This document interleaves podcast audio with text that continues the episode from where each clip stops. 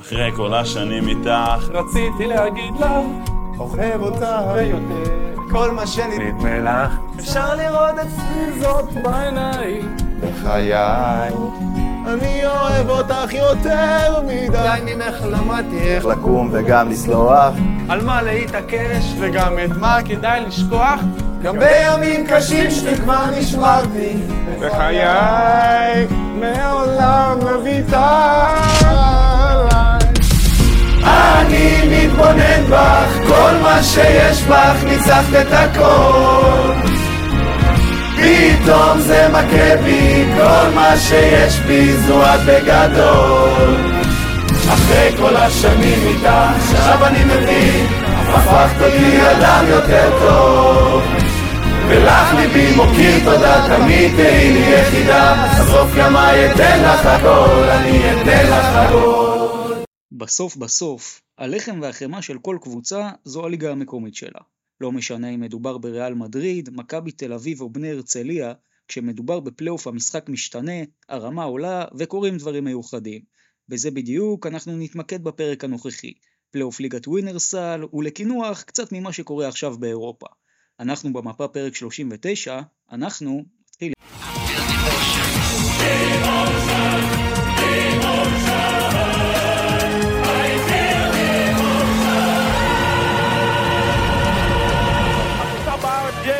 אנחנו במפה ואנחנו נשארים במפה, לא רק בספורט, לא הכל. אז אנחנו במפה, פרק 39, ברוכים הבאים, כאן דרור מהדף טיימאוט, וכמו כל שבוע, גם כאן יועד תורג'מן, שבוע טוב יועד.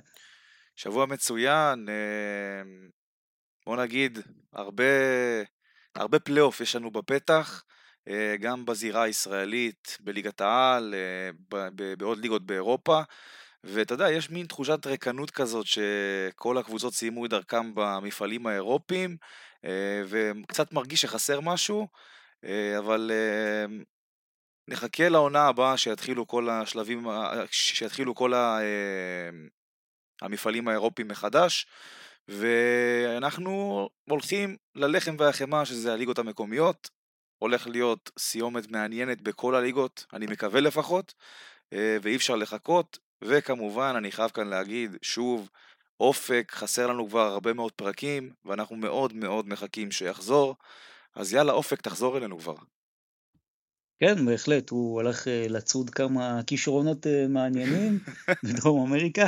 אה, מה יהיה לנו היום בפרק? שאלה מעניינת, אז בואו נענה עליה. אנחנו נתחיל עם הסדרה של הפועל ירושלים ובני הרצליה. נעבור אחרי זה קצת לדבר על הפועל תל אביב, שמחכה בעצם למנצחת מבין ירושלים והרצליה. אחרי זה קצת חולון, מכבי תל אביב, גם הסדרות שהן עברו, גם נתכונן כמובן לסדרת חצי הגמר המסקרנת שתהיה ביניהן. ובסוף לקינוח אנחנו נעבור קצת על מה שקורה באירופה, כבר, אתה יודע, לפני זמן קצר נרשמת הפתעה או לא הפתעה, אנחנו נדבר על זה עם אה, בדלונה, אבל אנחנו נדבר גם על זה. לפני הכל אבל, כמו כל פרק, אנחנו מתחילים בכותרות, והכותרת שלי היא שהאליפות על הרצפה. ממש ככה, כי אתה יודע, אנחנו היום בסיטואציה שיש חמש קבוצות במרוץ, והתחושה היא שממש כל אחת יכולה לעשות את זה. אנחנו עשינו סקר בקבוצת הפייסבוק שלנו לפני כמה ימים, אה, מי לדעת אה, בעצם המשתתפים בסקר שלנו הקבוצה הטובה ביותר אה, בישראל כרגע, או בכושר הטוב ביותר, התוצאות מאוד צמודות. 33% אומרים הפועל ירושלים, 28% אומרים הפועל תל אביב, 27% אומרים מכבי תל אביב, ורק 12% אומרים חולון, אבל התחושה היא באמת שפשוט זה לבוא ולקחת את זה, וקבוצה שעכשיו תתעלה ברגע הנכון, בזמן הנכון, לא משנה אם זו מכבי, אם זו הפועל חולון, ירושלים או הפועל תל אביב, כולן יכולות לעשות את זה, וגם בני הרצליה צריך לספור אותם עדיין אה, בתוך המרוץ, לפחות ליום הזה. וסך הכל, אתה יודע, זו כבר שנה שנייה ברציפות, כי גם בשנה שעברה אני חושב שהמצב פחות או יותר היה ככה, עושה את הכדורסל הישראלי מאוד מעניין, ושרק ימשיך ככה. יפה, יפה, טוב, אז הכותרת שלי היא אה, סוג של הכנה לסדרה של מכבי תל אביב מול הפועל חולון. אה, אפשר להגיד שלפחות לפי איך שאני רואה את זה, הפועל חולון מגיעה לסדרה הזאת במומנטום יותר טוב ממה שמכבי מגיעה, אבל היא עדיין האנדרדוג בסדרה הזאת. אמ, ותשמע, מכבי תל אביב די גמגמה בסדרה מול באר שבע, אז נכון, עם הרכבים uh, קצת הזויים, עם, עם uh, בחירת רישום זרים לא הכי טוב שהיא יכולה, uh, אבל הפועל חולון באמת נמצאת במומנטום אדיר. ואני חושב שלמכבי לא יהיה קל לעבור את הסדרה הזאת, אני עדיין לא יודע מה uh, בולדווין, ישחק, לא ישחק, כבר בוא נגיד שעל הנושא הזה אנחנו כבר נדבר בהמשך, אבל הפועל חולון באמת מגיעה במומנטום שאני מניח שאף אחד לא חלם שהם יגיעו לפני הסדרה נגד מכבי תל אביב. כן, באמת אה, הולך להיות מעניין מאוד עם ההתחזקות כביכול של חולון וההיחלשות או לא, אנחנו נדבר על זה, האם באמת אה, מכבי נחלשה או לא. אבל בואו עכשיו נעבור להפועל ירושלים ובני הרצליה, לסדרה שלהם. אה, אתה גר באזור, אז הייתי שמח לשאול אותך, הייתה הרקדה לפני זמן קצר ביובל, לא הייתה? תעדכן אותי מה, מה הלך שם. תשמע, אין לי מושג, אני אומנם גר אה, נסיעה של עשר דקות, רבע שעה אה, מהאולם הזה, אבל אין לי מושג באמת אם הייתה הרקדה או לא, אבל תשמע, אני, אני רוצה לשאול אותך משהו אחד, אוקיי? כן. למה הפועל ירושלים כל כך עמדה, וזה למה זה כל כך מפריע להפועל ירושלים שהמשחק הזה מחר, סליחה, שהמשחק הזה ביום ראשון, היום, ולא במוצאי שבת? אני באמת שואל, בוא... יש, מה, מה, מה עומד מאחורי הדבר הזה? בוא אני אגיד לך איך אני רואה את זה, כי האמת יש לי בטן מלאה על, ה, על הנושא הזה, על כל העניין של, אתה יודע, על הקרב הגדול. אגב, לא פעם ראשונה שהפועל ירושלים העונה כל כך נלחמת בחירוף נפש שמשחק שלה יהיה במוצאי שבת ולא ביום ראשון, לפני חודשיים בסך הכל. סיפור דומה עם אה, מכבי תל אביב, נסיבות שונות לגמרי, אבל אה, הפועל ירושלים רצתה יום ראשון, בסופו של דבר המינהלת לא הסכימה, אמרה מוצאי שבת, אה, והנה, אתה יודע, בסופו של דבר אנחנו זוכרים איך הפועל ירושלים התנהגה, לטעמי די איבדה את זה, גם התבטאתי אז בהיתר. אבל uh, אני אגיד לך איך אני רואה את, ה, את הסיפור. קודם כל, אני דווקא רוצה להתייחס לצד של uh, מנהלת הליגה. ובמפתיע או לא, אני חייב לומר לך, אני מסכים במאה אחוז עם מנהלת uh, הליגה. מסכים איתם במאה אחוז. כי מנהלת הליגה באה ואומרת דבר כזה, הפועל ירושלים רצה לדחות את המשחק הראשון בסדרה, מסיבות אגב סופר לגיטימיות, הסכמנו, בני הרצליה גם רוצה בסך הכל להזיז פה את המשחק הרביעי כי היא נופלת מהרגליים, שוב, אני לא נכנס בכלל לסיפור הזה של ההרקדה, זה סיפור כיסוי, זה ברור לכולם. בני הרצליה רוצה לדחות, את, כן, רוצה לדחות את המשחק הרביעי אה, ולעשות אותו בסך הכל ביום ראשון ולא במוצאי שבת. שוב, יש פה אולי גם שיקולי רייטינג, אה, גם שיקולים של קהל דתי, שגם הפועל ירושלים צריכה להפסיק לזלזל בקהל הדתי שלה לדעתי. אה, ובגזרה הזאת, מנהלת הליגה החליטה שראוי לנכון שסדרת פלייאוף בליגת העל בכדורסל אם הרצליה בנסיבות שלה לא תוכרע גם על אלמנטים, אתה יודע, של, של עייפות של קבוצה לצורך העניין, כאשר, צריך להדגיש, כאשר הם לא הזיזו את משחק חמש, כלומר, אם מנהלת הליגה הייתה גם מחליטה למרוח את המשחק החמישי ולדחות אותו גם בעוד כמה ימים, במידה ויקרה, אז אולי הייתי חושב אחרת. אבל מנהלת הליגה בסך הכל הזיזה פה את זה ביום. את האמת, מהצד של הפועל ירושלים, גם אם אני הייתי שם, בצד, אתה יודע, ש, של מקבלי ההחלטות, לא הייתי אוהב את זה. בוא, כי בסוף זה, זה דבר שבא לקראת הרצליה ולא לקראת ירושלים. אבל למה הפועל ירושלים יוצאת למלחמה עקובה מדם על הדבר הזה? אלוהים ישמור, תלמדו לבחור את המלחמות גם, שלכם. באמת, אני גם לא מבין את זה. זאת אומרת... אני, אבל ב... אני חייב לומר לך משהו לגבי הפועל ירושלים. אתה יודע, זה לא רק עניין של, של אה, בעצם, אתה יודע, תהיה חכם ואל תהיה צודק. אני גם לא, לא תמיד מת על המשפט הזה בסוף. אני כן יכול לקבל מלחמה שהיא חכמה ולא צודקת, ואני גם יכול לקבל מלחמה שהיא צודקת ולא חכמה. קשה לי מאוד לקבל מלחמה שהיא לא חכמה ולא צודקת, ולתחושתי פה, זה הסיפור של הפועל ירושלים. אני דווקא רוצה כן לדבר גם על הזירה של הצדק, כי שוב, בסוף הפועל ירושלים צריך לזכור, היא, ואוי ואבוי אם זה לא היה קורה, היא קיבלה ובצדק גמור את הזכות לדחות את המשחק הראשון ולקיים אותו ביום חמישי ולא ביום רביעי, אבל היא צריכה להבין שבסופו של דבר גם להרצליה יש את הנסיבות שלה, ובסוף, כמו שאמרתי, זה הגיוני שסדרת פלייאוף בליגת העל לא תוכרע על העייפות של קבוצה שסובלת מפציעות לצורך העניין. עכשיו, יותר מזה אני אגיד לגבי הפועל ירושלים, כי בסופו של דבר, מה עשתה פה הפועל ירושלים? היא מבחינה אסטרטגית, מבחינה טקטית, עשתה את השטות הכי גדולה שהייתה יכולה לעשות. מה הפועל ירושלים הייתה צריכה לבוא למינהלת ולהרצליה ולומר להם? הייתה צריכה לבוא ולומר להם, באיזה יום אתם רוצים את המשחק? יום ראשון, שני, שלישי, חמישי, שביעי של פסח, שמיני עצרת, עשירי בטבת, רק תגידו מתי אנחנו נבוא, נהיה שם וניתן להרצליה בראש. אבל ברגע שהפועל ירושלים, מה שהיא עשתה, היא כל כך נלחמה על זה, מה בעצם הפועל ירושלים חשפה?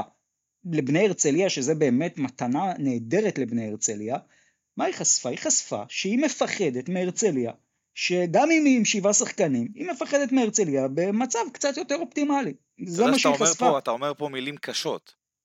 היא ככה, זה, זה מה שהיא חשפה, זה מה שהפועל ירושלים חשפה שוב מבחינה תדמיתית, ואגב, אני חושב שהרוני והרצליה הבינו את זה, והם גם שינו קצת את האסטרטגיה שלהם במשחק שלוש, כי ברגע שאתה מפחד מקבוצה מסוימת, אתה נגיד לא תהמר נגדה, ובמשחק שלוש קרו דברים שלדעתי היו שווים להרצליה כמה נקודות בגלל ההתנהלות הזאת של הפועל ירושלים, הרבע הרביעי שינה שם את הכל, קרה שם משהו מאוד מעניין ועוד נגיע לדבר על זה, אבל אם אתה שואל אותי, אני לא מבין, שוב, את בחירת המלחמות, גם כי המלחמה הזאת בעיניי, לא רק שהיא לא חכמה, היא גם לא כל כך צודקת, ואתה יודע, בוא, הפועל ירושלים בסדרה הזאת הייתה צריכה להילחם מלחמה אחרת, אולי ששופט מסוים נגיד לא ישפוט אותה, אנחנו עוד כבר נגיע לדבר על השופטים, אבל לא יודע, לא מרגיש לי טוב, אומר לך בכנות, לא מרגיש לי טוב.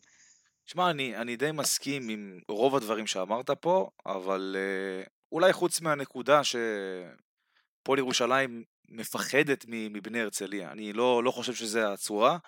אבל... אז למה אה, ההתעקשות? למה ההתעקשות לא לקיים את המשחק אה, בעצם ביום נוסף? זה סוג של מנטליות של מועדון, קטנוניות של מועדון, וזה לא מתחיל רק בזה. זה, אנחנו ראינו את זה כל כך הרבה פעמים. אתה יודע, יש מקרים שאני כן יכול להבין. נגיד המשחק מול מכבי תל אביב שהיה לפני המשחק מול אייק אתונה, אפשר להבין את ההתעקשות, את הזה. יש משחק חשוב, מכריע, באירופה, רוצים להגיע רעננים, אפשר עוד להבין. אבל פה, סתם, באמת, כאילו, בלי שום סיבה. בלי שום סיבה, אני באמת לא מבין... לא, לא, יש סיבה שהרצליה לא תנוח, מה זאת אומרת? שהרצליה, פשוט אתה יודע, כאילו... אגב, אגב, אגב, אם, אם זה היה תלוי בהפועל ירושלים, אם אתה שואל אותי, ברור שהפועל ירושלים לא צריכה לאהוב את זה. אני גם, אפילו אם הייתי יושב שם, לא, לא חושב שהייתי אוהב את זה, אבל יש את העניין של לבחור את המלחמות, אה, ופה לדעתי הייתה טעות בבחירה של המלחמה, כי, כי זה לא המלחמה שאתה צריך להילחם, בטח לא אוקיי. מול מנהלת הליגה. בוא נגיד שבפועל אני לא חושב שזה נובע מפחד מבני הרצליה, אבל בוא נגיד שאיך העניין הזה מצטייר כלפי חוץ, זה ככה נראה, כי אתה יודע, אתה בא ואתה דורש להקדים משחק ביום אחד נגד קבוצה עם, עם רוטציה של שבעה שחקנים, כאילו זה לא... זה, זה באמת נראה לא טוב, אבל אני לא חושב שזה הנקודה העיקרית. זה. יש כאן עוד כמה דברים, וכמו שאמרתי, זה גם סוג של מנטליות. כן, אבל בואו, רק חשוב לי להבהיר. אם המשחק הראשון בסדרה הזאת לא היה נדחה, לבקשת הפועל ירושלים, ששוב, אוי ואבוי אם הוא לא היה נדחה, כי הסיבה שהוא נדחה הייתה הסיבה הכי אנושית ולגיטימית שיש. אבל אם המשחק הראשון לא היה נדחה, יכול להיות שהייתי פה יותר קל עם הפועל ירושלים ו- ועם הדרישה, אתה יודע, לעמוד בלוז, אבל כבר הגמישו את הלוז פעם אחת לטובתכם. אז למה, כשזאת הפועל ירושלים, כשזאת מכבי תל אביב, כשזאת הפועל תל אביב, כשזאת הפועל חולון, שאלה הגדולות של הכדורסל הישראלי, כשאלה קבוצות שהמינהלת, אתה יודע, משבשת את הלוזים לגמרי, הרי מזמן אין ערב הכדורסל ולא רק משיקולי רייטינג, מזמן הקבוצות האלה תמיד משחקות לך במוצאי שבת הרבה מאוד פעמים. למה כשזה קורה, כדי, אתה יודע, לסנכרן את אירופה איכשהו שהם יצליחו, שזה מעולה ואני בעד זה, אבל למה אז כולם צריכים להתיישר, וכשמדובר במועדון קטון, כמו, כמו בני הרצליה, פתאום, אתה יודע, אה, זה רעידת אדמה. גם לבני הרצליה מותר לבקש לדחות, וגם למנהלת מותר להסכים. מהפכני, אבל אתה יודע, אתה יודע מותר. אתה יודע מה הדבר שהכי מעצבן אותי? שאנחנו מתכנסים כאן בשביל לדבר על כדורסל, ובמקום זה תראה על מה אנחנו מדברים. נכון, בוא... אז אני בפנייה לכל ראשי הקבוצות, די כבר, חלאס עם השטויות האלה, באמת. תתעסקו בכדורסל. ממש ככה. ממש ככה, אבל אנחנו עוד לא נתעסק בכדורסל, כי מה שהדבר הבא שתופס בסדרה הזאת את הכותרת, זה השופטים. אה, אגב, הפועל ירושלים, ופה נגיד זאת מלחמה שהרבה יותר קל לי כן להתחבר איתה, כי אני כבר אגיד לכם, אני חושב שהיא צודקת או לא, אבל מבחינת, אה, אתה יודע, האם המלחמה הזאת חכמה? כן, זו מלחמה חכמה, אתה יודע, אה, בכל מקרה להפעיל לחץ על השופטים בסדרה, גם אם אתה טועה לחלוטין, לדעתי זה דבר נכון. ראית אגב את תקציר משחק שלוש, לפי הפועל ירושלים? ראיתי, ואני אמרתי גם מה אני חושב על זה בחשבון הטוויטר שלי. אתה יודע, אם זה אוהדים, הכל בסדר. אוהדים יכולים להתלונן על שיפוט עד מחר, לא משנה כמה זה, אבל ברגע שזה בא מכיוון של המדיה החברתית, מהחשבון הרשמי של המועדון, יש כאן איזושהי בעיה, אי אפשר להגיד שלא. טוב, לומר לך, דווקא את זה אהבתי. דווקא את היצירתיות הזאת אהבתי. שוב, אני, אני כבר אגיד לך מה אני חושב על המלחמה הזאת, אבל זה דבר שאני כן יכול לקבל אותו, כי לדעתי להפעיל לחץ על שופטים בסדרה זה דבר שהוא תמיד יכול לעזור לך. לא משנה איך אתה מסובב את זה. ראינו גם במשחק, אתה יודע, במשחק השלישי, שהפועל ירושלים ברבע הרביעי כן נהנתה נגיד משריקה לעבירה על קרינגטון של קריס באב שלא הייתה ולא נבראה. אגיד לך שזה היה קורה בלי לחץ אה, על השופטים, לא יודע. אבל בוא אני עכשיו אגיד לך מה אני חושב על המלחמה הזאת. אה, קודם כל אני רוצה להפריד. יש כן שופט אחד בסדרה הזאת, שזה כבר מגמתי בעיניי, אמ, שלא יודע, לא, לא נוח לי שהוא שופט את הפועל ירושלים, כי איכשהו תמיד השריקות הגבוליות הולכות נגד הפועל ירושלים כשהוא שופט, אמ, לא נוח לי עם הדבר הזה, אני מודה, אה, ויכול להיות שעדיף להפועל ירושלים גם לבקש, ואולי זו המלחמה של הפועל ירושלים שהיא צריכה להיות, שהשופט הזה פחות ישפוט אותה, אה, גם אם לא בפומבי, אבל פחות נוח לי עם העניין הזה, אני אומר את זה בכנות. אבל לגבי השיפוט עצמו בכללי, אני לא חושב שהשיפוט בסדרה הזאת הוא רע, בטח שלא מגמתי לטובת הפועל ירושלים. קורה פה משהו מאוד מעניין, שלדעתי היה צריך לקרות כל העונה. מה קורה פה? השופטים החליטו, כקו, כאג'נדה בסדרה הזאת, לשרוק יותר על מגע, להחליט שמשחק הכדורסל זה לא WWE וזה לא בושידו, ושאם אתה דוחף שחקן בדרך לריבאונד, אז זאת עבירה, ואם אתה לצורך העניין עושה חסימה אגרסיבית מדי, אז זאת עבירה. זה מה שהשופטים החליטו. ומי נפגעת מזה הכי הרבה? הפועל ירושלים. אבל זה בעיניי היה צריך להיות עונה שלמה. עונה שלמה לדעתי, השופטים בכל המפעלים יחסית נתנו להפועל ירושלים להרביץ. סוף סוף יש שיפוט שלא נותן להרביץ, אני לא חושב שזו בעיה. להגיד לך שהשיפוט הוא פרו ירושלים בוודאי שלא, אבל אה, שווה שמה. לשים לב לזה כי גם בצד השני זה ככה. במשחק השלישי, אתה יודע, אני הסתכלתי עליו, ראו שיפוט מוטה לטובת בני הרצליה. אתה יודע, מי שאומר שלא, כנראה משקר. אה, אבל אה, שוב, אני אחזור למה שאמרתי, האוהדים יכולים עד מחר להתלונן על השופטים, אין בזה בעיה. ואתה יודע, ובמקרה הזה גם בצדק, כן? אבל ברגע שזה מגיע למדיה חברתית, דרך החשבון הרשמי של המועדון זה בעיה. תאר לך עכשיו כל מה שקרה עם מכבי תל אביב במונקו, תאר לך בסיום המשחק השני לדוגמה, ששם היה שיא העצבים על השופטים, החשבון הרשמי של מכבי תל אביב מעלה תקציר של המשחק, של כל הזריקות עונשין של מונקו, כל ההרחקות, כל הזה, ואומר הנה תקציר המשחק. זה לא נשמע לך מוזר? נראה לך הזוי כאילו? ובכייני? אה, לא יודע, לא יודע, את האמת, אני דווקא אהבתי את המהלך הזה. שוב, אני, אני אומר לך אמיתי, אני לא חושב שהפועל ירושלים מקופחת בסדרה הזאת בצורה קיצונית בשיפוט, אני בוודאי לא חושב שהשיפוט הוא לטובתה. בכל אבל... הסדרה לא, בכל הסדרה לא, אבל ספציפית במשחק השלישי היה שיפוט מוטה. אני לא יודע, ראו, שוב, אני לא, בטח שאני לא חושב שהיה פה משהו בכוונה, בוא, בוא נעשה גם השופט לא בכוונה, אבל ראו את זה בכמות זריקות העונשין, בכמות השריקות אה, לעבירות, ראו את זה. אה, כן, אני לא, לא בטוח מסכים על זה, אבל אני כן מסכים דווקא עם מה שעשתה הפועל ירושלים, כי זה מפעיל לחץ על השופטים, ובסוף זה עובד. למה, למה שמאמן עושה את זה, זה, זה בסדר? נכון. אז אני כן חושב שמועדון יכול לעשות את זה, ואתה יודע מה, אם מכבי הייתה עושה את זה, אולי היה יוצא משהו, אבל שוב, הפועל ירושלים עדיין יש לה את הפריבילגיה, גם אל תשכח, לא להתנהל בקלאס של יורוליג, בסדר? כי מועדון יורוליג בסוף אני מבין למה הוא לא יכול לעשות את זה. אה, ומעניין מה יהיה שנה הבאה. טוב, בואו בוא נעבור קצת אה, כדורסל, כי אנחנו הרבה זמן מדברים לא על כן, כדורסל. הגיע הזמן אה, שקצת נדבר על כדורסל סוף סוף.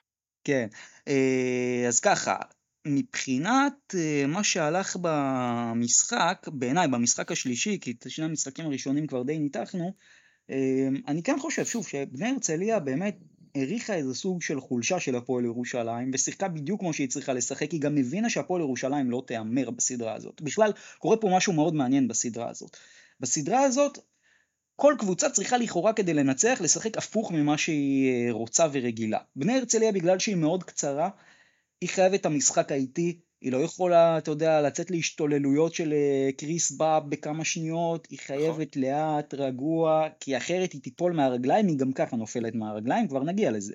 הפועל ירושלים לעומת זאת, המשחק האיטי לא טוב לה, כי הוא בדיוק מהסיבה שאמרתי, משרת את בני הרצליה. אז הפועל ירושלים דווקא צריכה לשחק מהר. עכשיו הקבוצה שכן ראשונה הבינה את זה והתחילה, אתה יודע, יותר לשחק בניגוד לסגנון שלה זאת בני הרצליה. ראית במשחק השלישי משחק מאוד מחושב, מאוד מסודר. הרצליה ממש ניסתה כמה שיותר לעמוד במשחק הזה, בטח בהתחלה.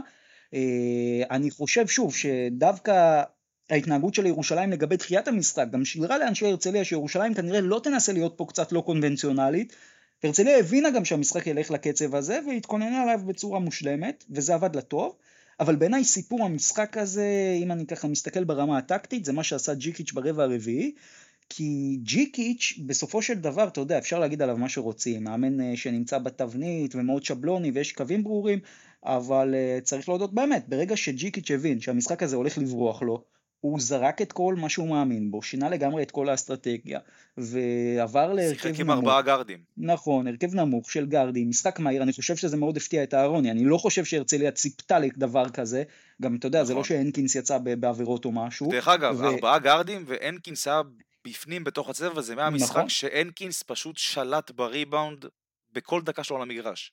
ממש ככה, וזה למעשה מה שמכריע את המשחק, וראית שגם, אגב, ברגע שהפועל ירושלים יותר מזיזה את הכדור, יותר מניעה אותו מהר, להרצליה הנוכחית, שכבר נפלה מהרגליים ברבע הרביעי, אין יותר מדי מה לעשות. אם אני קצת מבודד את זה לשחקנים, אז אתה יודע, ההבדל הזה זה בסופו של דבר זאק הנקינס, שעושה 16 נקודות ו-15 ריבאונדים, וכמו שאמרת, היה בלתי עציר, אבל זה מעבר לסטטיסטיקה, זה גם חסימות, אה, בנוסף לדברים האלה שמשנים ממש מומנטומים, זה מהלכים הגנתיים שאתה יודע שסטטיסטיקה רגילה לא סופרת אותם, אבל באמת זאק הנקינס החזיק את הפועל ירושלים במשחק הזה, זה הבדל של אה, ליוואי רנדולף, שמחצית ראשונה לא הגיע, התחיל עם 1 מ-8 מהשדה, אה, מחצית שנייה כן הגיע, זה נועם יעקב בדקות טובות, ששוב משחק חשוב שהוא משנה בו מומנטום לגמרי, ובצד של הרצליה, מה שמחזיק אותם זה, אתה יודע, זה מוריס קמפ, שאדלסון היה בארנה, לדעתי זה, זה שחקן ששווה לו ולהפועל ירושלים לשים עליו עין לקראת העונה הבאה, כי באמת מה שמוריס חתול. קמפ עושה, עזוב, מה שמוריס קמפ עושה בסדרה הזאת, בעונה הזאת, בשתי עונות האלה, איך שאתה לא רוצה לסובב את זה,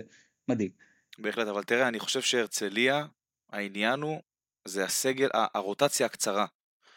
שבעה שחקנים, אפשר להגיד פחות או יותר, משחקים בסדרה הזאת. אני חושב שהפציעות השנה בבני הרצליה זה משהו שפגע בהם מההתחלה ועד עכשיו, וזה גם יפגע בהם בסדרה הזאת. ואני חושב שבאמת, אתה יודע, אתה לוקח שחקן כמו, סתם דוגמה, אנדי ון וליט, סנדי כהן, אלה שני שחקנים שאתה מוסיף אותם לרוטציה של בני הרצליה בסדרה הזאת, ויכול להיות שאנחנו מדברים אחרת. אני, זה משהו שאני לא פוסל בכלל, ויכול להיות שאחד המשחקים בארנה גם היה נגמר אחרת, והיינו עכשיו בסיטואציה של 2-1 לבני הרצליה, ומחר זה היה משחק של אה, win or go home בשביל הפועל ירושלים. זה היה יכול לקרות, אבל בסופו של דבר הרצליה, ראו את זה גם במשחק השלישי, לא היה לה אוויר ברבע הרביעי.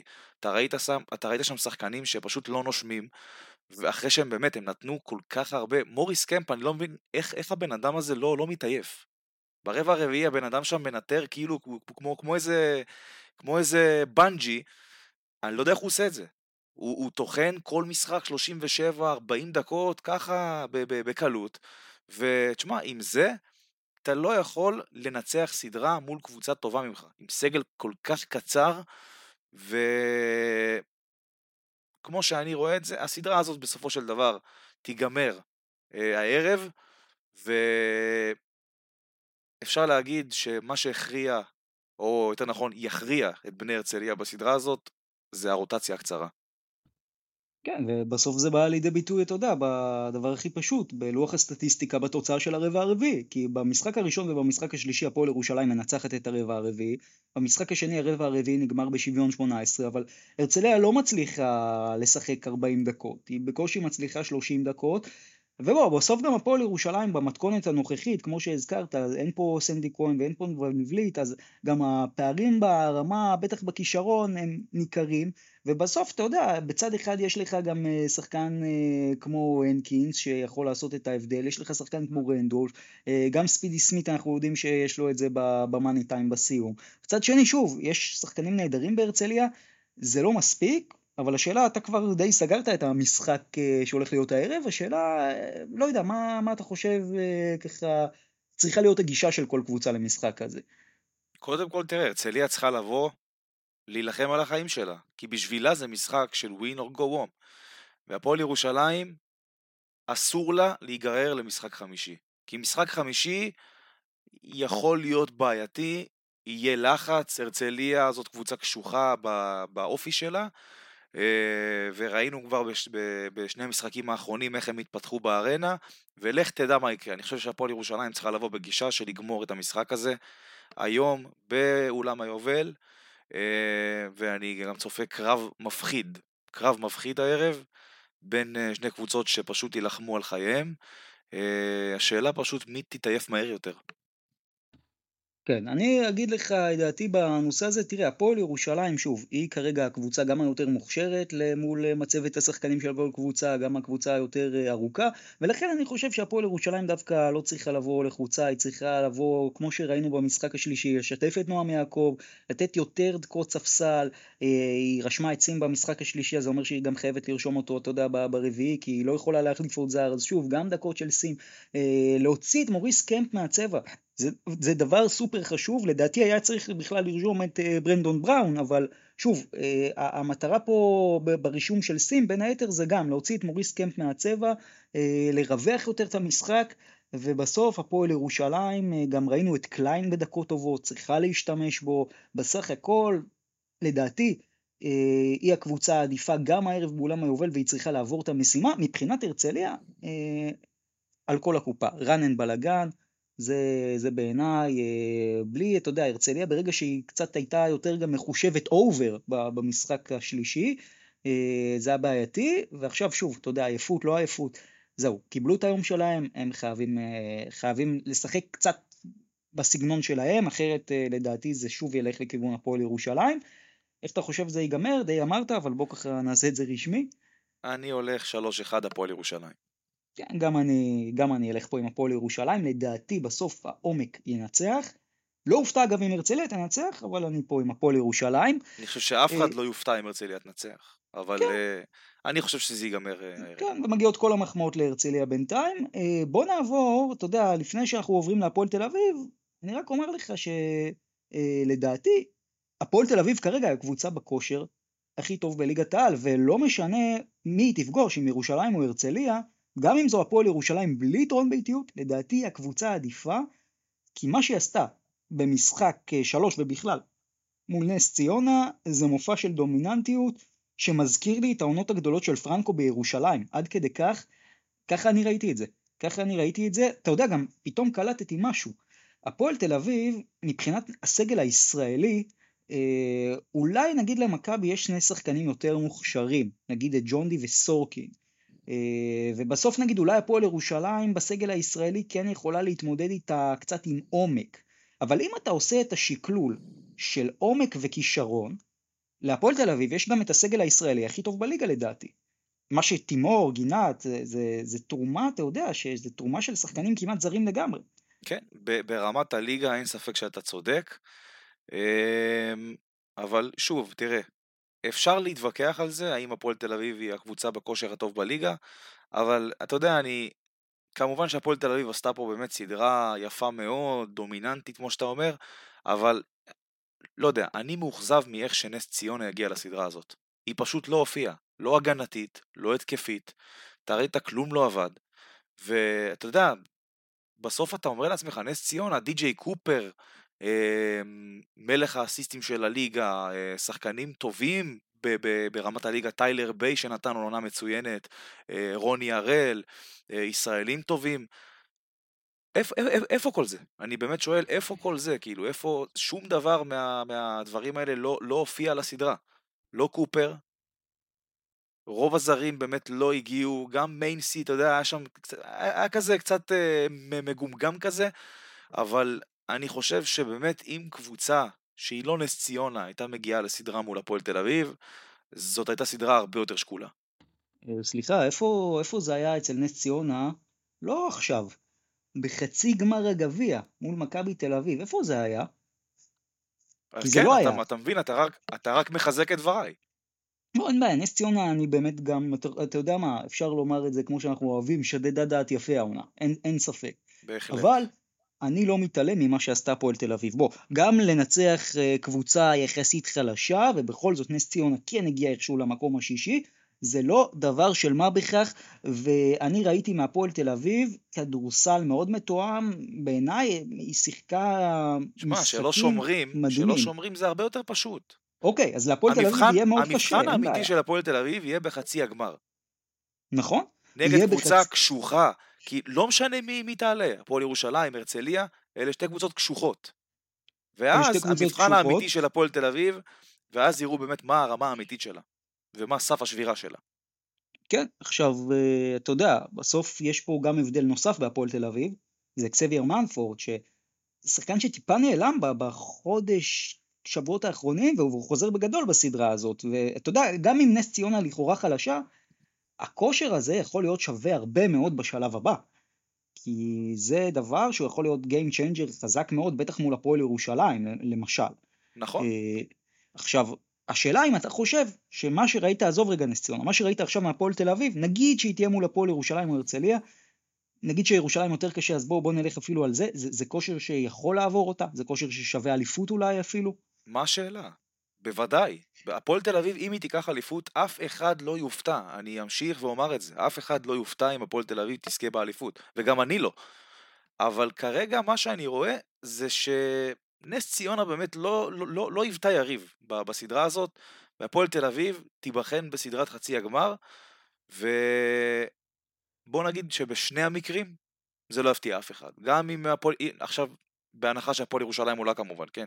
אם הפועל ירושלים תעבור זה לא יפתיע אף אחד, אם הפועל תל אביב תעבור זה גם לא יפתיע אף אחד, אבל המבחן האמיתי של הפועל תל אביב זה חצי הגמר. רבע הגמר זה יפה לעשות סוויפ ולנצח דו ספרתי בכל משחק ולהראות דומיננטיות, אבל אתה יודע שאין יריב אה, מי יודע מה ממול, ובאמת נס ציונה לא היוותה יריב בסדרה הזאת, אז בוא, זה לא אמור, אה, זה לא מפתיע אף אחד.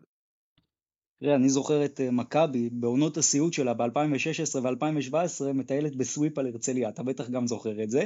זוכר, זוכר. לא, לא, בוא נגיד את זה ככה, אי אפשר ללמוד מזה, אני מסכים, אבל אם אנחנו מסתכלים קדימה, בכל זאת, אה, מי נגיד אם אתה פרנקו, אתה כן רושם לחצי הגמר, והאם זה משנה איזה קבוצה תעלה? כי פרנקו נגיד הפעם לא הלך עם טוקוטו, שאלה האם אתה ממשיך במגמה הזאת.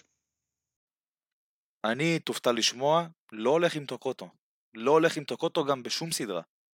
אני חושב שמה שג'יילן הורד נותן להפועל תל אביב, יותר משמעותי בשבילה ממה שטוקוטו יכול לתת, ובגדול אם אני צריך להצביע לך על חמישה, ג'קובן בראון, אקסאבייר מנפורד, ג'ורדן מקריי, ג'יילן הורד וצ'יננו אונואקו. אני מסכים איתך במאה אחוז. הורד זה אחד השחקנים שאני הכי אוהב בעונה הזאת בליגת העל. זה באמת שחקן, אתה יודע, קצת כמו, מזכיר אפילו את אה, מייריס אולי ב, ביעילות האפורה שלו, כי זה לא שחקן, זה לא כוכב, זה לא מישהו שאנחנו נדבר עליו הרבה, אבל אם אתה זוכר, נגיד במשחק מול אנקרה, אה, הוא החזיק את הפועל תל אביב שם כל הרבע השני, זה שחקן שהוא באמת מאוד מיוחד, עושה את הדברים חושב... הקטנים, עושה את הדברים בדיוק, הקטנים בלי בדיוק. שאף אחד מרגיש. והוא כוח אש משמעותי יותר בצבע מטוקוטו, ואין ספק שהפועל תל אביב, לא משנה אם זאת תהיה הרצליה או ירושלים, תצטרך את זה. אה, ובוא ככה לסיכום ולסיום, אני אשאל אותך, בכל תרחיש, הרצליה או הפועל ירושלים, האם בעיניך הפועל תל אביב פייבוריטית? אמ, לא. היא לא פייבוריטית. קודם כל בוא לא נשכח, אין לה ביתיות. שזה משמעותי. אתה מדבר איתי על התרחיש של הפועל ירושלים, כי הרצליה כן, אתה כן, גם... בהחלט, כן. לא, מול הרצליה כמובן שהפועל אוקיי. תל אביב פייבוריטית. למה לא, למה לא פייבוריטית מול הפועל ירושלים?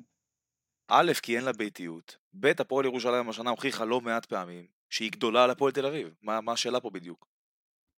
אז אני רוצה להגיד לך דבר כזה. אה, אני מסכים שוב, שברגעי האמת עד עכשיו, אם נסתכל ונעזוב רגע בצד את גביע ווינר, הפועל ירושלים נתנה להפועל תל אביב בראש, אבל כל הפעמים האלה קרו בדרייבין, וגם שכנראה הפועל תל אביב, אה, אתה יודע, או הייתה מעלה בטבלה, או סומנה כפייבוריטית. אה, ראינו את הפועל ירושלים מול בון, שוב, במשחק שלכאורה היה צריך להיות לה יותר קל, מול מלאגה נגיד, או מול טנריף, והוא לא היה לה כזה. וגם הפועל תל אביב היא קבוצה בדיוק במנטליות הזאת, היא קבוצה ש, שפתאום כשאתה שם אותה כאילו על הגל, אז, אז דווקא היא קורסת, ודווקא כשהיא יותר קטנה אז היא יכולה להפתיע, ולכן אני חושב שבסדרה הזאת, אם באמת תהיה סדרה הפועל ירושלים, הפועל תל אביב, יתרון הביתיות זהו משקולת על הגב, זה לא יתרון, זה משהו שיפגע בקבוצה הביתית, אה, ועם כל הקהל המדהים של הפועל ירושלים, לדעתי זה גם יכול לייצר יותר לחץ הרבה פעמים מיתרון, ולכן אם אתה שואל אותי בסדרה כזאת, מאוד יכול להיות שרק uh, תראה ניצחונות חוץ. אני בסדרה כזאת, בכל מקרה, אם להיות. תהיה, אני הולך עם הפועל תל אביב. אתה, אתה מהמר מול הפועל, על הפועל תל אביב. כן, אם תהיה סדרה כזאת, שוב, אנחנו עוד לא יודעים, אה, אבל בסוף השבוע אמורה כנראה להתחיל אה, סדרה או משהו. אם זה יקרה, אני עם הפועל תל אביב. אני חושב שהפועל תל אביב תהיה בגמר ככה או ככה. לדעתי, בכושר הזה, בכושר הזה, לא. אני מדגיש. אז אני חושב הפוך ממך. דרך אגב, אני לא חושב שזה יהיה ניצחון קל, כן, בסדרה, אבל בהנחה כמובן וזה הגמר, הפועל ירושלים, הפועל תל אביב.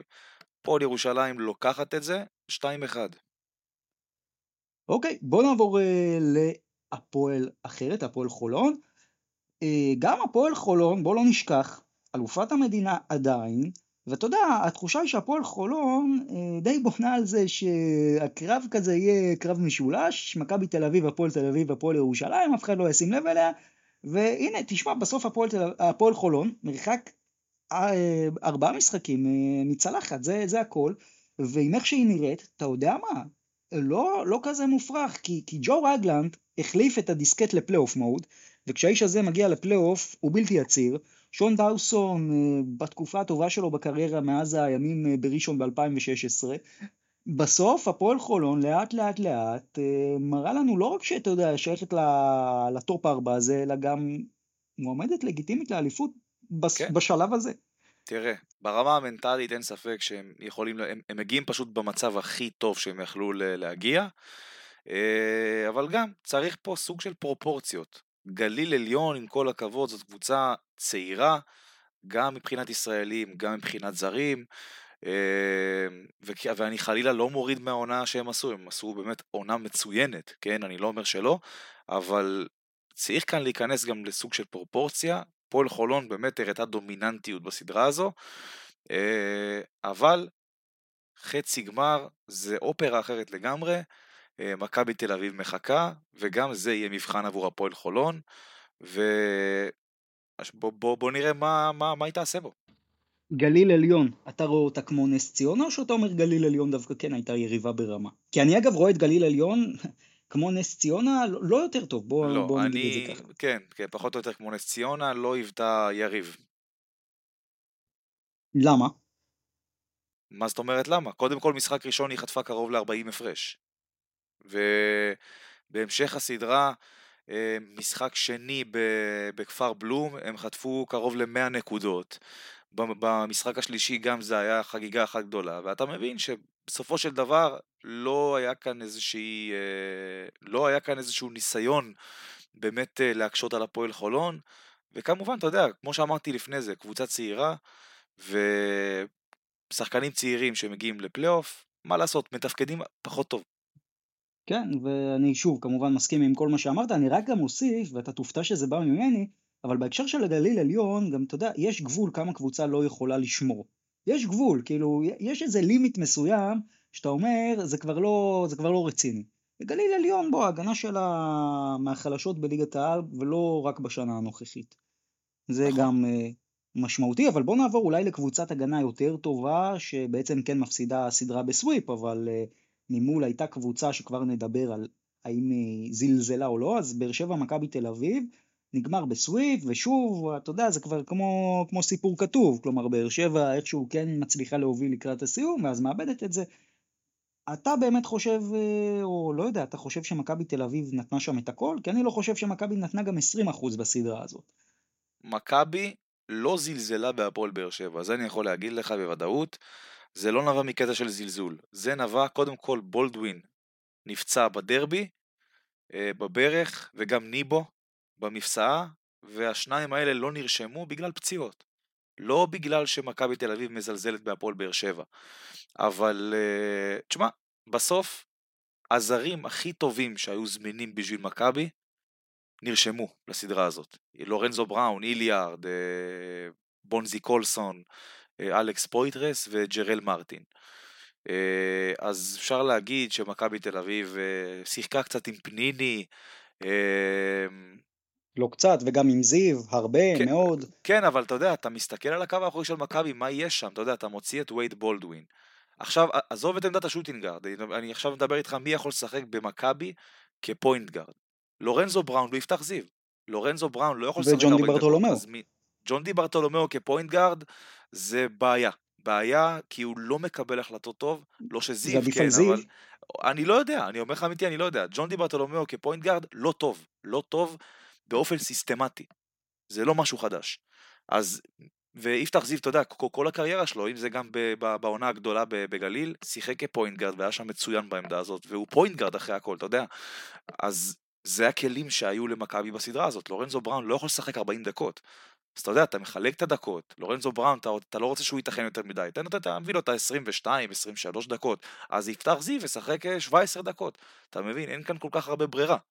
אז להגיד שמכבי זלזלה זה לא מדויק, אבל אני מניח לפחות, כן, אני לא יודע מה, מה מצבו של בולדווין, אבל אני רואה את זה בתור, אתה יודע, סוג של משחק פסיכולוגי אה, להפועל חולון. בולדווין ישחק בחצי הגמר, אה, וכמות דקות נכבדת, וזה עוד שחקן שיכול גם לשחק כפוינט גארד, ואתה יודע, עם לורנזו בראון על הספסל, וזה יוריד דקות מיפתח זיו, שכרגע נראה לא מחובר לכלום, חסר ביטחון, ו... אם אתה שואל אותי, כל עוד וייד בולדווין כשיר, יפתח זיו לא צריך לשחק. כי זה פוגע בו ובקבוצה שלו. תראה, בוא אני אגיד לך קודם כל לגבי באר שבע, ורק נסגור איתה את הסיפור. באר שבע בעיניי מאוד מאוד חלשה, ובסוף, שוב, לשלב הזה של הפלייאוף, זה לא מספיק, זה לא מספיק, ועם כל הכבוד, אתה לא יכול לבוא בנאיביות הזאת שאתה בא בסופי משחק מול מכבי תל אביב, שזה מועדון סופר ווינרי, לא רק בשנה הזאת, לא אפשרי. אז אה, זה הסיפור של באר שבע, אני מקווה בשבילם, או שהם יתחזקו ויהיו בפלייאוף, או שהם יישארו, אם הם נשארים ברמה הזאת, אני מקווה בשביל ליגת העל שבאר שבע לא תהיה בפלייאוף. זה לא, הרמה הזאת אני לא אוהב אותה בפלייאוף, אני חייב לומר את זה. אה, ולגבי מכבי תל אביב, אני לא שוכנע אחרת בשלב הזה, לדעתי מכבי זלזלה, שוב, זה גם בלי קשר, אתה יודע, על החלוקת דקות, אפשר להתווכח על זה, אבל הרגיש לי שהשחקנים הבינו שמולם נמצאת הפועל באר שבע, ולא אה, ברצלונה ברור, או ריאל מדריד. ברור, אבל אתה, אתה לא אומר כאן שום דבר ש, שאמור להפתיע, אתה יודע, לשחק מול באר שבע זה לא לשחק מול הפועל ירושלים או הפועל תל אביב. האתגר אבל, יועד, האתגר הוא לעשות את הסוויץ' בראש ולהבין שעכשיו זה פלייאוף. כי בסוף נכון, מכבי כמעט הפסידה, אם מכבי הייתה מפסידה פה אחד זה היה קטסטרופה, זה היה עוד uh, לשחוק את השחקנים ועוד ברור, אבל בסופו של דבר, אתה יודע, זה, אתה, תשמע, השחקנים לא, לא מכונות. הם יודעים מנטלית, קודם כל, מה זה לשחק מול הפועל באר שבע, קבוצה במקום השמיני בליגה, והם הבינו בעצמם לא מרגיש לי שהם. יכולים קצת להוריד את הרגל מהגז, ולא יקרה שום דבר. טוב בוא אתה יודע אני חושב שהם לא הצליחו לעשות את הסוויץ' אבל אני מקבל גם את מה שאתה אבל אומר. אבל אני בוא... חייב להגיד אני חייב להוסיף עוד משהו. רואים קצת ברמה המנטלית של השחקנים של מכבי אני לא יודע אם לייחס את זה לזהות היריבה כן לבאר שבע. עדיין אין שם התאוששות של 100% מהסדרה מול מונקו. לא יודע איך להסביר לך את זה אבל זה, זה, זה לפחות לפי ההתרשמות שלי. לא לא זה רואים את זה, זה גם משפיע על הפועל ירושלים, רואים, זה ניכר. זה אני ניכר. מקווה מאוד שזה ייגמר בחצי הגמר, כי בחצי הגמר די, החגיגות נגמרו, מתחיל פה עכשיו פלייאוף אמיתי. אגב, בוא, אתה רואה שעכשיו שתי הקבוצות שנראות כאילו הכי טוב, הפועל חולון והפועל תל אביב, הודחו כבר מאירופה הרבה יותר רחוק. נכון, לפני, מבין? לפני מכבי תל אביב והפועל ירושלים. זה, זה משפיע. אז בוא, בוא רגע נתכונן קצת אה, לסדרה של אה, מכבי תל אביב והפועל חולון. בואו נתחיל מרישומים, אז מי, כל קבוצה ככה צריכה להתחיל ולרשום, מי הם חמשת הזרים בכל צד. תשמע, אה, מכבי תל אביב היה דיווח לא מזמן של יורופיד, שניבו לא, לא, השנה לא חוזר לשחק. אז אני לוקח את זה ברצינות, ואני שם את ניבו כרגע בחוץ, אז אמ, אני הולך עם לורנזו בראון, וייד בולדווין, בונזי קולסון, ג'רל מרטין ואלכס פויטרס. בחולון, אה, ג'ו רגלנד כמובן, סי.ג'יי אריס, קריס ג'ונסון, איידן דלטון ומרווין ג'ונס. ואתה הולך פה עם מרווין ג'ונס, למרות שהסדרה שלו היא לא הייתה מי יודע כן, מה. אבל תראה, התחליף שיש לו זה דלוריה שנותן עונה לא טובה, אבל תשמע, מרווין ג'ונס זה שחקן שמרווח את המשחק, אה, הוא ריבאונדר טוב, אה, בסדר, הוא בתקופה לא טובה בכלל, כבר משהו כמו כמה חודשים, אבל עדיין, זה שחקן שיש לו את האתלטיות, הוא rebounder כמו שאמרתי, והוא יכול לעשות את ההבדל מול שחקן למשל כמו אלכס פויטרס, למרות שיש פער ענק בפיזיות בין השניים האלה, ואני חושב גם שזה ה matchup שמכבי צריכה ללכת עליו, הרבה והרבה, אלכס פויטרס מול מרווין ג'ונס, אמ, אבל בגדול, אלו הזרים שאני רושם בהפועל חולון. אני לא רואה באמת אופציה אחרת. דרך אגב, אני בחרתי גם בדלטון, כי באופן קבוע הוא תופר את מכבי. לא, תראה, אני מסכים איתך, גם אני הייתי רושם בדיוק את הזרים האלה בצד של חולון. בצד של מכבי אתה ממש הפתעת אותי שלא רצית לרשום את בריימו, זה שחקן שהיה צריך להיות פה שובר השוויון לכאורה. כן, אתה... לא באמת. נראה לי, נראה אבל- לי שאתה לא מאמין למה שאתה אומר. אם היינו ב-2020 אולי, אבל ב- תראה, בצד של מכבי אז כן. אה, בולדווין, אה, אגב, שוב, יש שמועות שהוא פצוע, לא פצוע, כשיר, נכון? אומרים, אתה יודע, יש שמועות כאלה. שגם יורופיט כשיר, פרסמו כשיר, ש... עזוב, כשיר. בולדווין, לורנזו, אה, היליארד, קולסון ופויטרס, אני לא הייתי רושם פה את מרטין לדעתי. אז את מי בדיוק? את קולסון ופויטרס והיליארד. אני חושב שמכבי צריכה לנצח את חולון בגארדים בסופו של דבר. הבנתי, אז אם... אתה הולך פה, אתה הולך פה על קו אחורי אה, עמוס ב- בשחקנים, כן, עם לא, איליארד, אני- אני- עם אני לורנזו, עם משהו. בולדווין, עם אני גם קולסון. אגיד לך על מה אני בונה פה. אני בונה על האפקט, אפקט האקס, על מנקו ופניני, אתה יודע מה, דווקא פה יש יותר מקום. שיחקו בחולון, מכירים את הקבוצה הזאת, מכירים חלק גדול מהשחקנים, אז בסוף, שוב, אני אומר לנצח בגארדים, זה לא כי, אתה יודע, דווקא ברור שלמכבי גם יש יתרון אה, בצבע על חולון, אבל גם, אתה יודע, מבחינת הניסיון, האקסים, זה, זה עוד פלפל שהייתי מכניס אם הייתי בצד של מכבי. מרטין, נראה לי כבר תקופה לא מחובר, לדעתי. אני גם חושב, ותראה, אני חייב, אני חייב פה לגעת בעוד איזושהי נקודה. אה, עכשיו שאין את, את ג'וש ניבו, שככל הנראה סיים את העונה, אלכס פויטרס לא נותן את מה שניבו היה נותן בריבאונד. זאת אומרת, יש לנו חיסרון משמעותי בריבאונד, ואני חושב שמי שיכול לשנות את זה, את המאזן כוחות הזה, זה רומן סורקין, והוא יהיה משמעותי מאוד בפלייאוף הזה, ובשביל לקחת אליפות מכבי תל אביב תצטרך את רומן סורקין בשיאו. כי מה שהוא יכול לעשות בריבאונד, יכול לשנות את הכל. אני מסכים עם זה. בוא נעבור לשחקני המפתח. מי לדעתך השחקן המפתח בכל קבוצה? מי שאתה מסמן אותו? אמ, אני אתחיל עם חולון. אתה יודע, אני אלך על הדבר הפופולרי, ג'ו רגלנד. אנחנו מכירים את ג'ו רגלנד ב mode פלייאוף, זה לא צריך אה, להפתיע באמת אף אחד אם הוא אה, פתאום יעשה לך את ה-40 נקודות, אני יודע. למרות שאתה יודע מה, אתה, אם מסתכלים על עונה שעברה, מי ששמר עליו היה ג'יילן אדמס, ופה זה אחד שקוראים לו וייד בולדווין. אבל אה, אתה יודע, בגדול זה השחקן אה, מפתח בהפועל חולון שאמור להיות, זה השחקן שדרכו הכל יעבור. אה, ובמכבי, וייד בולדווין. אין כאן שום, ש... אין כאן שום ספק בכלל. וייד בולדווין, גם עליו, אם מסתכלים על הקו האחורי, עליו תקום ותיפול מכבי תל אביב. אז אה, בחולון כמובן אני הולך איתך, כי כשרגלנד, ואני אומר את זה שוב, כשהוא מגיע ב mode פלייאוף הוא בלתי עציר, ואם יש שחקן אחד שיכול ממש לסחוב את כל חולון על הגב זה הוא, במכבי תל אביב אני מתלבט מאוד האם כן אני אלך פה איתך גם עם בולדווין, שאני שוב חושב שהוא השחקן הכי איכותי במכבי בפער, אני אלך איתו, אני אלך גם עם וייד, כי בסוף זה, אם, אם רגלנד לא יהיה צד אחד זה מי שיכול לענות לו צד שני, אני כן אומר, אה, ואנחנו נעבור עכשיו ל X factor, אני לא אשים אותו כ X factor כי הוא לא X factor, אבל שון דאוסון הוא מפתח סופר משמעותי בסדרה הזאת. אני לא אגיד אותו לגמרי. לפני רגלנד, אבל זה, זה משהו שחולון חייבת חייבת, כי גם זה יכול לייצר יתרון ב- בעמדה הזאת מול מכבי. לא רק לדעתי. בעמדה הזאת, גם בתרומה של הישראלים. אתה יודע, דוסון במשחקים נכון. האחרונים, 15-20 נקודות. במכבי אין ישראלי שעושה מספרים כאלה, אולי למעט רומן סורקין בקטנה כזה, ואתה יודע, ג'ון די ברטולומיאו זה חצי קלאץ' כזה, אבל כן, הפועל חולון גם ת, תהיה חייבת את אה, שון דוסון בכושר שיא.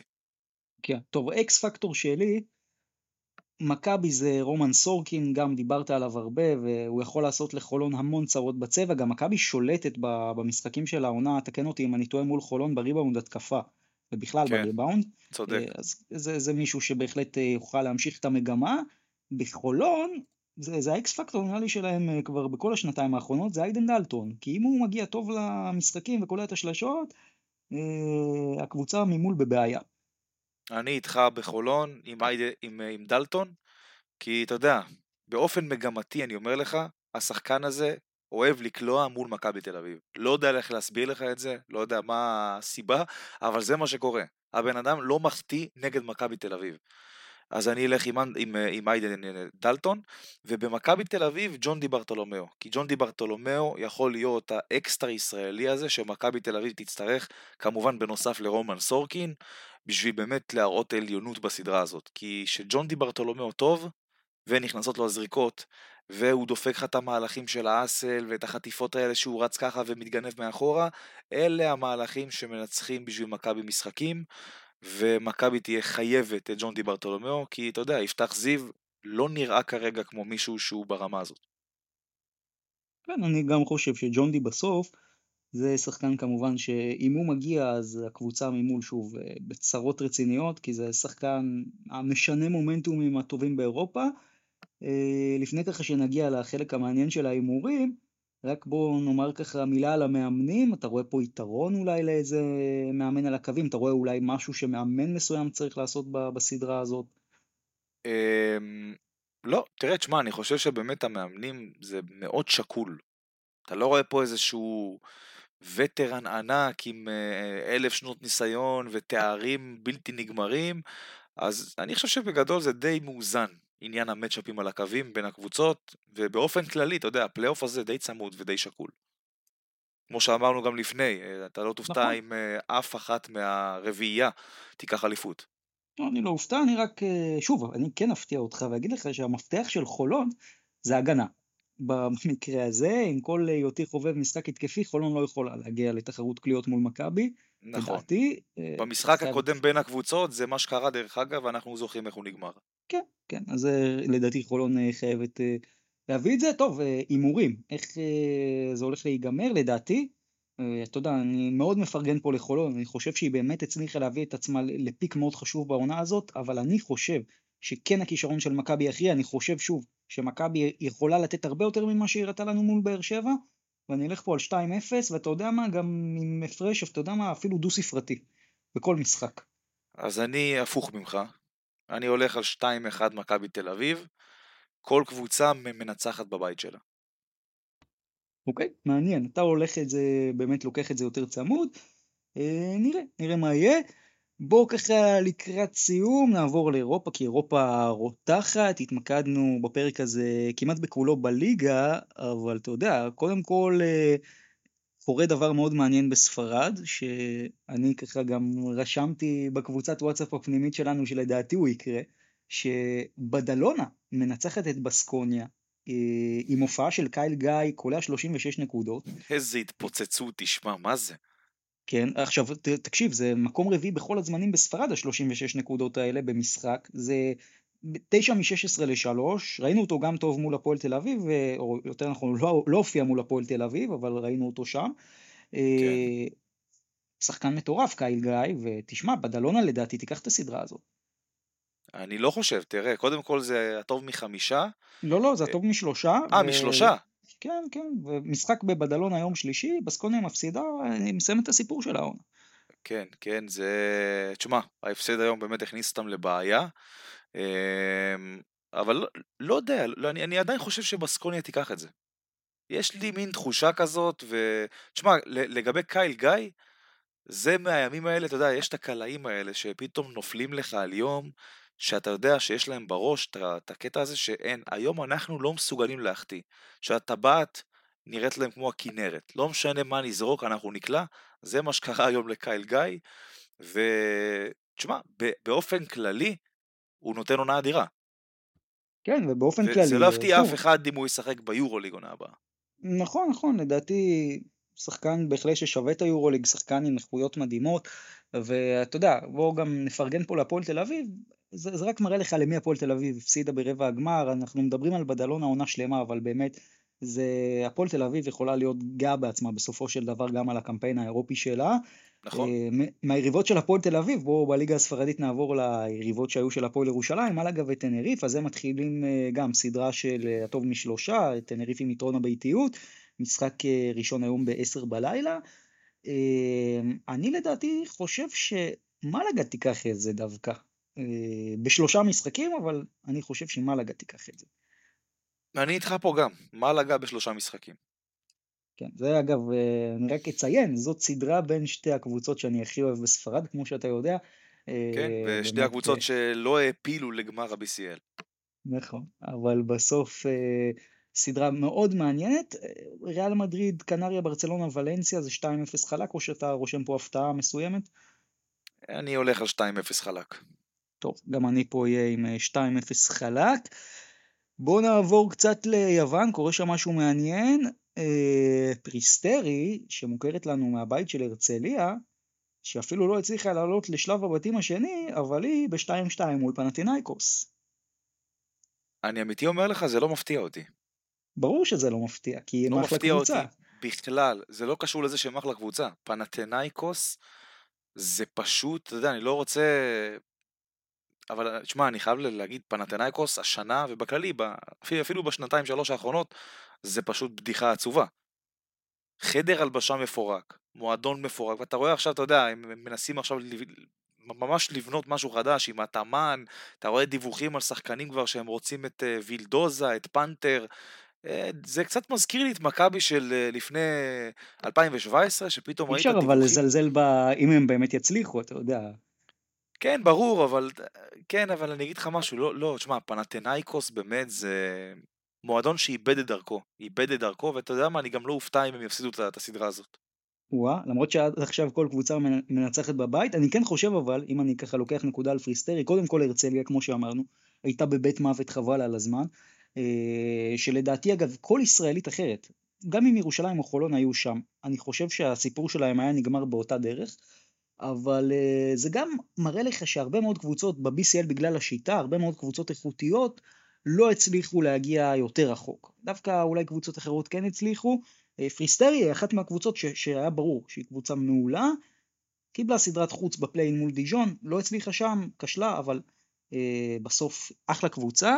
אולימפיאקוס ב-2-0 על פאוק, זה ייגמר 3-0 לדעתך? מה נראה לך שאני אענה על זה? שכן, ושאולימפיאקוס תיקח אליפות ביוון, בסדר, אני חושב שאנחנו ובלי יכולים... ובלי הפסד אה, גם בפלייאוף.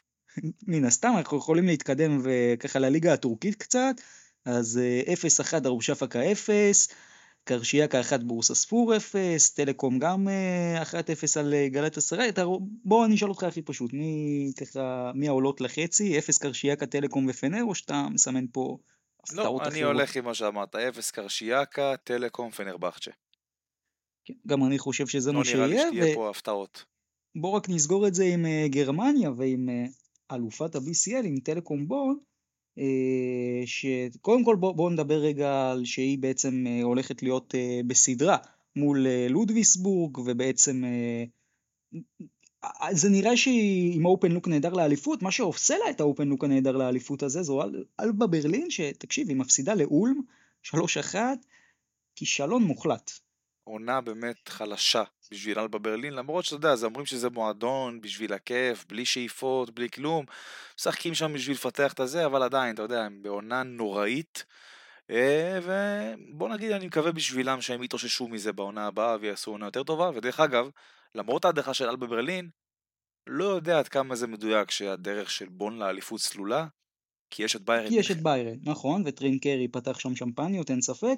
אה, אבל שוב, ביירן מול אולמן אני חושב שהיא תנצח, ואני חושב שגם בון תנצח, אז אני חושב שתהיה סדרת גמר בין בון לביירן, אנחנו נדע בהמשך.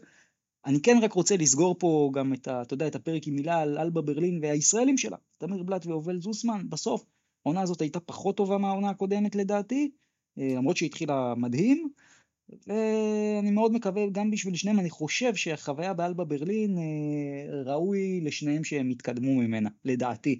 כי זה לא מועדון שאתה יכול לצמוח בו לאורך זמן, כמו שאני רואה את זה. אני חושב שזה מה שיקרה. אה, שניהם לא אוקיי. ישחקו באלבה ברלין בעונה הבאה. אוקיי, במילה, בונו ביירן? אם אנחנו הלכנו קדימה? אה, ביירן. צמוד.